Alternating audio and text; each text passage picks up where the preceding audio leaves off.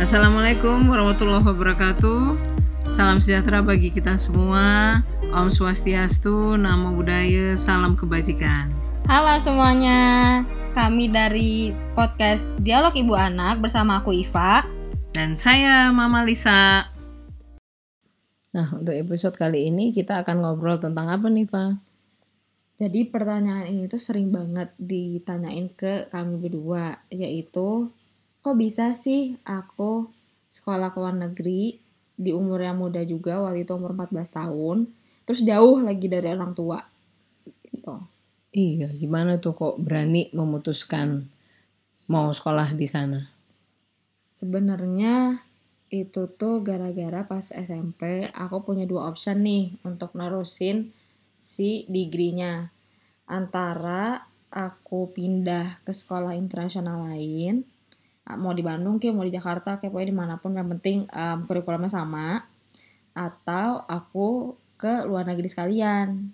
Sebenarnya bisa sih kayak di Singapura atau Aussie juga ada yang kurikulumnya sama.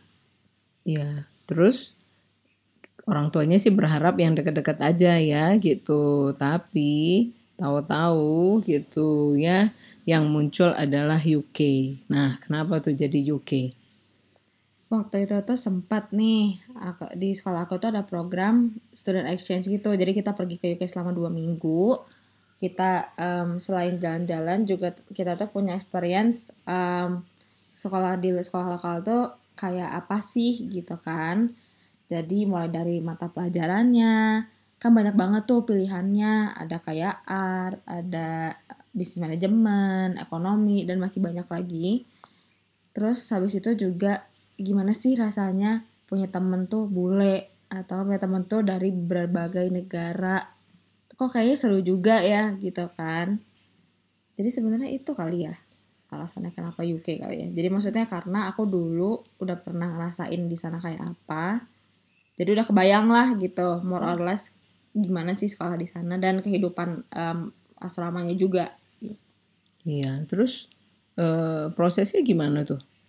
Bisa daftarnya gitu, gimana caranya tuh? Jadi waktu itu tuh aku dibantuin sama wali kelas aku yang bener-bener nge-support aku dari awal banget dari pokoknya saya di wali kelas aku dari awal SMP kan. Jadi tau lah maksudnya sekolah kayak apa sih yang aku mau tuh. Terus kayak sekolah yang kayak gimana sih yang kayaknya bakal cocok sama aku dan temannya pun kebetulan agent jadi sekaligus ngebantuin juga nyari-nyariin sekolah uh, SMA SMA di UK terus ketemulah sama IF gitu kalau IF di sini kan uh, cuma tempat les doang nih kalau di sana tuh mereka tuh punya sekolah terus ya udah deh Tara. ya jadi sekolah IF di luar ini mereka adalah sekolah internasional hmm. ya gitu. Justru mah gak ada orang lokalnya. Iya, banyaknya sih orang pendatang ya semua. gitu. Kita ada 30 negara ya gitu di sana. Ya, menarik sih ya kayaknya ya gitu sekolahnya ya. Kalau proses daftarnya sendiri sebenarnya tuh kita tinggal biasanya tuh ngeliat requirements-nya aja sih.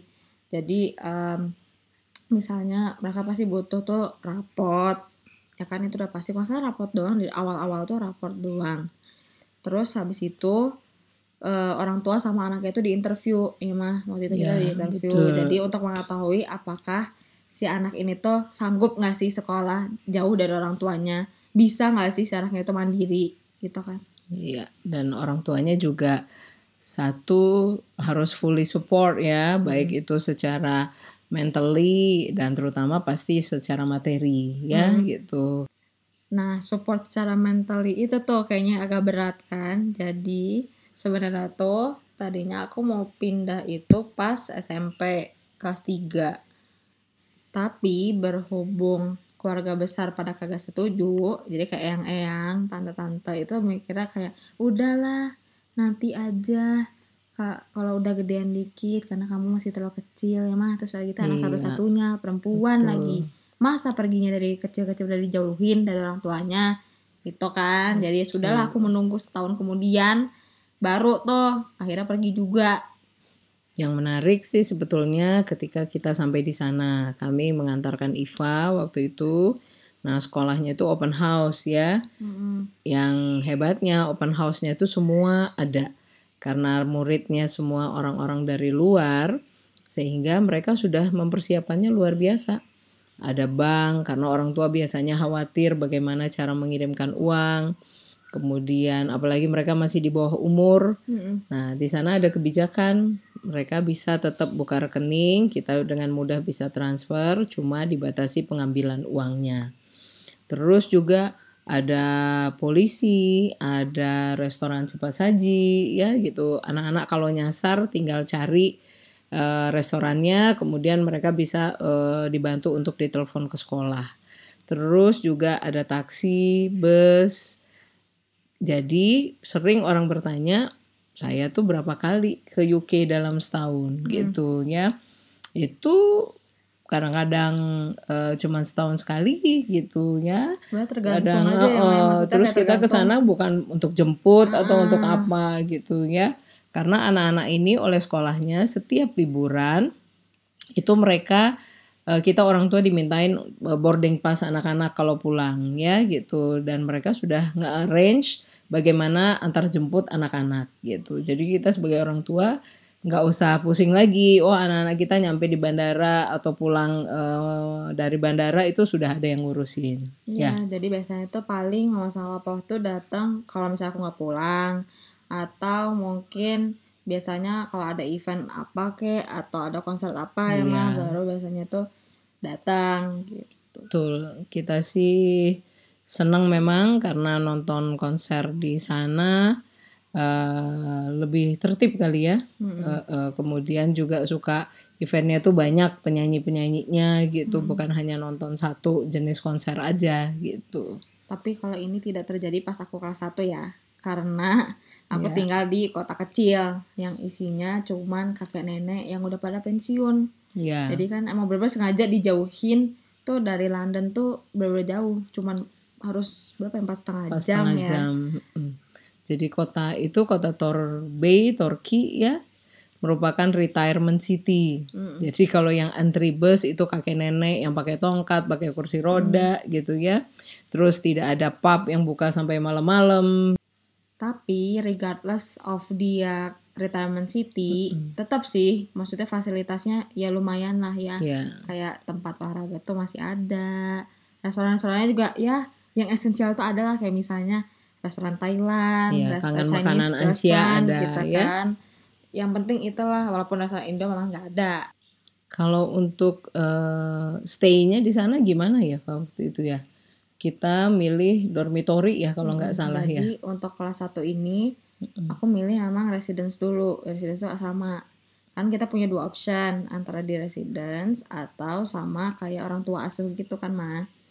Waktu itu emang pertama ini ya udah aku mutusin milih residence karena kan biar aku ketemu banyak teman-teman lah gitu kan karena satu asrama itu bisa buat 15 orangan lah cewek cowok. Kalau di sana itu asramanya itu ada satu keluarga ya gitu, satu keluarga ada orang tua, anak gitu dan mereka punya rumah besar dan dijadikan asrama untuk menampung berapa anak ini gitu. Jadi orang tua nggak usah stres, wah ini laki perempuan gimana gitu karena ada orang tuanya di situ, bukan dilepas begitu saja. Dan aturannya cukup ketat ya, Pak ya gitu. Kita punya curfew. Dulu tuh pokoknya kalau residence itu pasti selalu punya curfew. Kalau Iya. orang tua asuh kan tergantung orang tuanya aja ya gitu maksudnya terserah ya terserah dia mau ngasih jam 9 kek, mau ngasih jam 10 kek gitu kan. Cuman kalau residence tuh kayaknya udah pasti dari sekolah dikasih ya jam 10 ya jam 10 gitu. Jadi tidak bisa keluar lebih dari, dari jam itu. itu, ya. Hmm. Tinggal di residence ini tuh merupakan hal yang berbeda buat aku karena sempat sih sebenarnya pas di SMP juga ya tinggal di Hmm. asrama. Cuman berapa bulan habis itu udah out. Nah kalau di sini kan bener-bener setahun nih aku tinggal di residence tuh di asrama tuh dan aku juga punya roommate waktu itu dari Taiwan. Jadi kita tuh rata-rata soalnya kamarnya tuh berdua. Sebenarnya boleh sih berdua atau sendiri, cuman yang sendiri itu langka banget lah. Karena mungkin si orang tuanya pun pengennya lebih banyak muridnya kan ya. Jadi makanya satu kamar tuh rata-rata berdua. Itu tuh eh, merupakan hal yang challenging juga kali ya karena kita harus nyesuaiin oh misalnya jadwal mandi aja sesimpel jadwal mandi. Ya udah misalnya kalau aku pagi berarti dia harus malam atau kalau nggak sebaliknya. Karena kalau kita dua-dua sama sama pagi udah kita pasti bakalan telat biasanya. Jadi kita akhirnya bikin jadwal aja. Terus juga em, ini dari dalam mencuci mencuci jadi biasanya kan sebenarnya kita tuh ada laundry ya cuman kadang si partner aku ini si roommate aku ini kadang eh, suka nyuci sendiri gitu jadi keringin lah tuh di em, heater kita di kamar tuh jadi buat jemuran sama dia Iya, memang kalau kita bareng sama orang yang paling susah ya menyesuaikan ritmenya ya Hmm. gitu kebiasaan-kebiasaannya. Iya. Tapi sekolahnya cukup ketat ya, ibu asramanya juga sama. Pernah ada kejadian ya waktu itu ada anak yang ketahuan mengisap ganja, itu langsung ibu asramanya lapor kepala sekolah, kepala sekolah telepon polisi, telepon orang tua dan anaknya tidak boleh sekolah lagi dan langsung harus dijemput oleh orang tua dideportasi ya. Nah, yang menarik satu lagi itu adalah ketika kami datang ke sana, kami bertanya apakah anak-anak kita bisa melakukan sholat gitu, karena kan mereka jam sekolahnya seperti di waktu di sana gitu, bukan eh, ada waktu istirahat pas kita sholat. Itu mereka luar biasa eh, begitu datang mereka bilang oh iya kita belum menyiapkan ruangannya. Kami diminta datang lagi besok. Dan mereka sudah menyiapkan tempatnya hanya tinggal kita bawa alatnya jadi kalau di sana mereka urusan kepercayaan sih betul-betul sangat menghargai. Sehingga tidak ada kenapa harus gitu? Diskusinya tidak pernah susah gitu. Ya mereka tinggal menyiapkan. Walaupun pihak sekolah mungkin respect ya dalam sisi agama atau eh, differences yang kita punya tapi tetap sih kalau orang-orangnya mungkin orang muslim kan jarang ya di kota kecil. Biasanya kan kota-kota besar misal kayak London atau kayak Birmingham gitu kan. Jadi ya sempet sih ngalamin di mana ya diliatin lah gitu kan karena aku juga waktu itu pakai hijab. Tapi ya ya udahlah awal-awal tuh kayak apaan sih ngeliat ngeliat-ngeliatin gitu. Tapi lama-lama kayak ah udahlah bodo amat. Nah, apakah sama Fah gitu kondisinya waktu Iva pindah ke kota Oxford kan? Ya waktu itu kelas 2, kelas 3 kan diselesaikan di kota Oxford. betul. Kalau di Oxford sih beda ya. Karena mungkin ya emang kotanya juga kota besar. Maksudnya ya cukup besar lah ya Oxford tuh. Jadi waktu itu juga memang ada muslim-muslimnya Ya, dan memang kan sekolah ya maksudnya University of Oxford kan. Iya, mereka Jadi, kota pelajar Ah, ya, jadi seperti udah- Jogjanya. ya, jadi udah banyak juga kan orang-orang dari luar negeri gitu. Jadi Iya. orang orang-orang itu lebih terbiasa lah ngeliat orang dari Asia atau dari Eropa lainnya. Iya, orang Malaysia juga sering Hmm, ya Malaysia kita ketemu sering orang banget. Malaysia di sana ya dan mereka juga tetap berhijab. Kalau pengalaman aku pas di Oxford ini untuk dari sisi tempat tinggal ya, aku akhirnya memutuskan untuk tinggal di orang tua asuh pas di Oxford ini karena mikirnya kayak ah ganti kali ya cari yang baru gitu kan biar beda. Kan udah ngerasain nih residence. Pengen nih ngerasain kalau tinggal sama orang lokal nih kayak apa. Jadi waktu itu pas kan ini kelas 2 sama kelas 3 aku tuh dapet dua orang tua asuh yang berbeda. Karena orang tua aku orang tua asuh aku yang pertama itu pas em, aku mau ngelanjutin lagi ternyata mereka pindah rumah. Jadi ya terpaksa lah aku harus cari orang tua asuh lain tapi berhubung aku nggak harus nyari sendiri karena emang sekolah yang nyariin jadi ya ya udah pokoknya tinggal kita tuh ke sekolah tuh tinggal ngasih tahu syarat-syarat dari kita sendiri apa. Misalnya oh em, harus ang agamanya sama atau mungkin oh eh, jangan punya eh, pet misalnya atau oh jangan punya banyak anak gitu. Tapi aku Mau kamar sendiri, iya atau kamar sendiri gitu atau kamar ya. berdua gitu kan nah tapi yang nggak bisa dikontrol itu sebenarnya adalah jarak.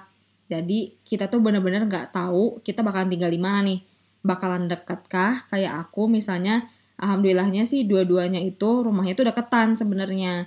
Jadi emang dari awal itu aku nggak em, apa namanya jalan kaki ke sekolah. Jadi yang ke yang di rumah kedua pun sama.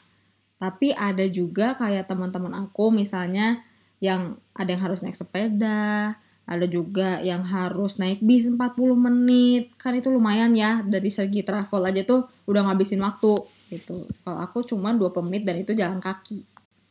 Nah, ini termasuk yang uh, buat kami sebagai orang tua itu uh, cukup tenang adalah karena bukan kita yang mencari kos-kosannya. Hmm. Jadi kalau di sini kan kita orang tua ngantar anak terus kasak yeah. kusuk nyari kos-kosannya, gimana lingkungannya gitu. Nah, kalau ini semua sudah dikelola oleh sekolah. Yeah. Mereka yang sudah fit and proper test yeah, para orang jadi tuanya udah di, gitu. Jadi udah disurvey ya, lah ya iya. istilahnya kayak mereka tuh sanggup gak sih kalau misalnya mereka ada lagi nih anak lain gitu kan dari semua dan maksudnya dari sisi semua family members ya gitu. ya karena kan berbeda sekali ya gitu mereka hmm. kebiasaan mereka terus kita kemudian juga ada syarat ruangan ya yang harus ya. ada media belajar hmm. luas ruangan minimalnya gitu jadi tapi ya jangan dibayangkan kos-kosan rumah di UK tidak seperti di Indonesia. Iya. Apalagi yang pas rumahku yang pertama kan itu benar-benar kecil banget, lebih kecil daripada kos-kosan di Indo pada umumnya kali iya. ya.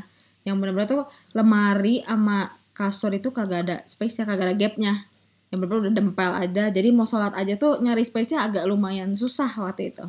Berhubung aku dapat experience tinggal bersama dua keluarga yang berbeda, jadi aku juga mengalami hal-hal yang berbeda lah ya. Dan pas pertama itu um, orang tuanya punya anak tiga. Yang dua itu masih lumayan kecil-kecil lah gitu. Cuma yang satu aja yang udah agak remaja. Jadi rumah itu bener-bener tiap hari tuh rame. Dari pagi itu mulai mereka bangun tuh udah rame. Udah kayak gitu. Yang ada petnya uh, lagi ada ya. pet kan ada hmm. anjing. Udah gitu lumayan berantakan juga karena ya itu anaknya banyak kan hmm. gitu. Jadi yang benar-benar kayak chaos aja rumahnya. Cuman tetap maksudnya di satu sisi ya tetap aja sih seru juga gitu kan. Maksudnya kenal sama orang tuanya sendiri emang mereka tuh welcome gitu loh. Jadi misalnya kayak tiap dinner aku diajakin kayak eh ayo kita nonton TV bareng gitu kan. Atau enggak biasanya anaknya suka ngajak main. Itu sih seru karena maksudnya kan aku tak anak tunggal ya. Maksudnya nggak punya adik atau kakak nih gitu kan. Jadi kan punya adik-adik tuh kayak oh kayak gini ya rasanya punya adik-adik tuh gitu. Nah beda sama di rumah yang kedua. Kalau di rumah yang kedua anaknya udah pernah gede-gede lebih tua daripada aku semua. Jadi lebih apa lebih kalem kali ya. Lebih tenang gitu rumahnya. Kagak berisik-berisik amat. Cuman paling biasanya kalau agak berisik tuh kalau cucu-cucunya datang itu doang sih. Terus juga yang membedakan lagi adalah kalau yang di rumah kedua itu orang tuanya vegetarian. Jadi apa yang mereka masak itu biasanya rata-rata sayuran. Jarang banget tuh masak selain sayuran tuh maksudnya ya biasanya itu protein sama sayuran. Udah itu doang. Jarang banget yang aneh-aneh. Nah, biasanya tuh even sampai sosis aja tuh aku makan sosis vegetarian tuh baru nyoba pertama kali tuh ya di situ gitu karena baru tahu oh ternyata ada ya sosis vegetarian gitu kan. Dan itu surprisingly enak sih sebenarnya. Baru pas nyoba itu oh enak juga nih. Soalnya aku nggak begitu penggemar sosis biasa juga. Jadi bener-bener itu aku makan sayuran tuh banyak banget di rumah itu. Karena tiap hari makan sayuran dan sayuran.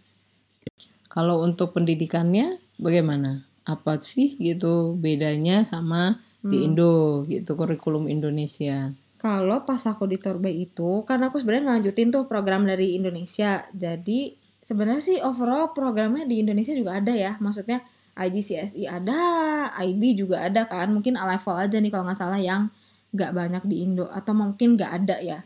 Aku kurang hafal kalau di itu. Jadi kalau pas IGCSE itu memang udah mirip-mirip um, lah sama apa yang pas aku SMP tuh ajarin. Jadi subjek itu mirip-mirip cuman kalau misalnya di pas aku di um, SMP di sini itu aku sainsnya masih kepisah. Jadi aku masih belajar biologi biologi chemistry chemistry terus um, physics physics. Cuman pas aku pindah ke sana digabungin jadi satu. Jadi misalnya paling mereka tuh per minggu aja gantinya. Jadi oh minggu ini kita biologi minggu depan kita chemistry minggu depan kita physics gitu. Tapi nggak jadi terpisah. Jadi di SS itu cuma jadi satu Terus um, yang membedakan lagi tuh mungkin ini ya kelas Englishnya. Karena kalau nggak salah kelas Inggris itu kan dia tuh punya levelan gitu. dan itu tuh based on dari kemampuan English kita. Jadi kalau yang udah agak lumayan itu kita malah lebih belajar tuh kepada kayak literatur-literaturnya sana gitu. Jadi kayak um, disuruh Sastra ba- iya disuruh gitu baca ya. novel gitu kayak novel um, apa ya dulu tuh suruh baca Shakespeare ada kan? Iya kayak ada, ada dulu namanya perfume Mm-mm. yang lumayan agak ceritanya sebenarnya lumayan creepy ya. Terus suruh baca apa lagi ya? Pokoknya banyak banget suruh baca. Terus nanti biasanya tuh kalau pas yang di kelas 1 ini tuh kita misalnya ngebahas tiap kita mulai pelajaran tuh vocab apa yang baru. Jadi kita harus selalu nulis vocab baru setiap minggunya.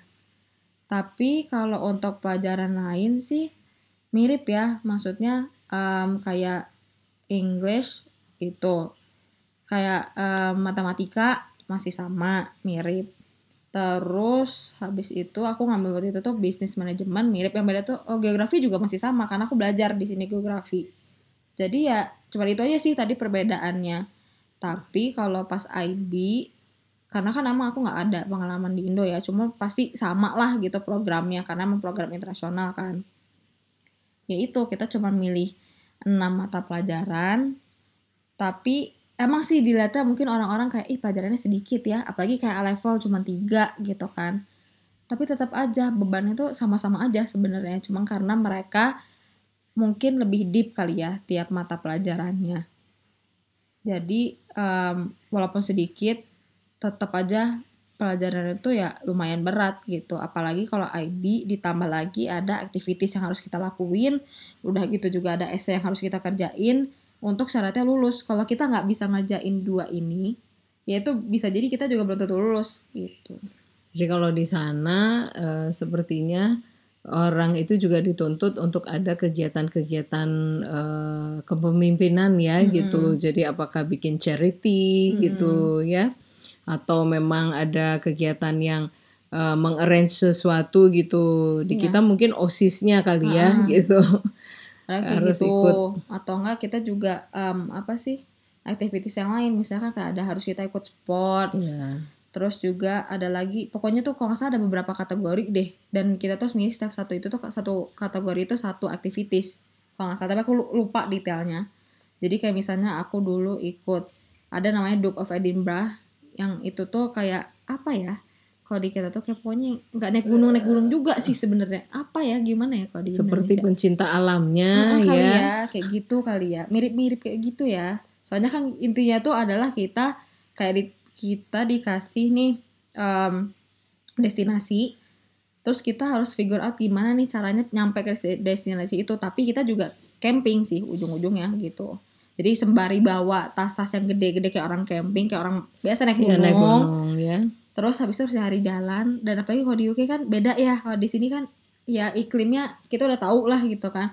Kalau di sana tuh kan udah dingin kadang hujan ya kan. Kebayang aja gak sih? Udah waktu itu tuh pernah di mana um, ini sleeping bagnya basah. Jadi pas kita tidur ya udah basah dan dingin. Nggak ada kita nggak nggak bawa selimut kan karena nggak mungkin juga bawa selimut gitu kalau pas eh, kalau pas naik gunung mana ada sih yang bawa selimut gitu Berbeda nggak sih Fa kalau kita mau kalau di kita kan selesai dulu SMA kita lulus segala macam terus yang sekarang sih udah dari kelas 3 udah bisa daftar untuk kuliah ya gitu di Indonesia. Kalau di sana kita kuliah gimana cara daftarnya? Dari sekolah gitu diurusin atau cari sendiri? Nah, kalau untuk kuliah, jadi kita tuh sebenarnya pas dari kelas 2 itu emang udah disuruh mikir nih. Kira-kira kamu mau jurusan apa? Karena pelajaran yang kita pilih itu menentukan nanti jurusan kita yang kita mau nih. Kalau misalnya pengennya FK, ya lebih banyak ambil sciences kan. Jadi misalnya pasti ngambil biologi, ke- eh, chemistry gitu. Tapi kalau misalnya kayak aku mau ngambilnya finance atau mau ngambilnya bisnis, ya berarti ngambilnya harus bisnis sama ekonomi itu udah pasti. Jadi emang udah diarahkan dari kelas 2 tuh udah dibentuk lah kita mau ngambil apa. Nah kalau untuk daftar sendiri itu pasti kita pertama disuruh cari dulu sekolahnya mau di mana. Jadi waktu itu tuh kita pun- eh, harus punya 5 options. Jadi pasti yang pertama itu yang topnya, terus 2, 3, 4 yang ya sedengan lah, sama yang terakhir itu cadangannya. Yang benar-benar em, passing grade-nya tuh nggak terlalu tinggi. Kalau yang topnya kan udah pasti ya namanya juga option pertama kan berarti itu doang yang paling bagus. Nah setelah itu kita juga harus nulis em, apa namanya Essay ya. Iya kayak essay gitu. Intinya eh, yang menjelaskan bahwa kenapa sih kita mau sekolah di situ, kenapa kita mau ambil jurusan itu. Jadi kalau di sana bikin portofolio ya Mm-mm. gitu, bagaimana kita menampilkan diri kita, Iya. Bekal apa sih yang kita punya Ah. sehingga mereka universitas itu merasa pantas menerima kita gitu Iya. ya. Jadi cuman itu sama kita ngirimin predicted grades kita. Jadi biasanya dari nilai-nilai ujian sebelumnya itu kita kirimin ke sekolah-sekolahnya. Jadi biasanya tuh mereka cuma dari satu portal, tapi sekolahnya bisa ngecek semua. Terus nanti tinggal lihat mereka mau nggak ngasih conditional offer namanya. Jadi conditional offer ini tuh di mana kita udah halfway diterima, tinggal nunggu aja nih um, Nilai, nilai akhir ya. akhirnya gitu. Itu sih. Dan um, buat essay-nya pun itu kita punya konselornya sendiri. Jadi kayak apa ya kalau konselor tuh? Kayak um, apa ya Pembimbing ya Iya, kayak sini pembimbing ya. yang gitu lah. jadi even dari milih sekolah pun kita dibantuin sama mereka. Kalau misalnya kita milih um, ya udah kita milih lima ini tapi menurut mereka kayaknya kok kayaknya yang top ini kayaknya kamu terlalu ambisi ambisius ya kayaknya terlalu tinggi nih gitu. Takutnya daripada kamu nggak masuk kemudian coba deh cari yang lain misalnya kayak gitu. Atau enggak kayak kamu yakin nggak mau masuk sekolah ini? Gitu kan. Sekolahnya gini gini gini.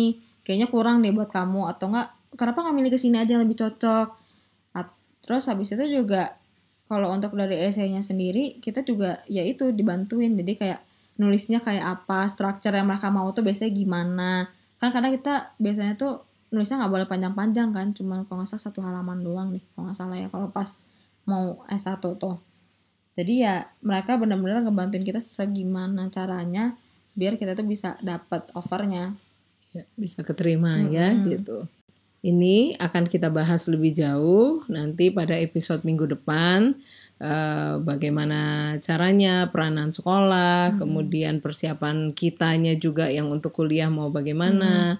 Terus juga tentu saja harus dilihat juga biayanya gitu ya. Dari setiap sekolah itu kan berbeda, kotanya juga berbeda biayanya.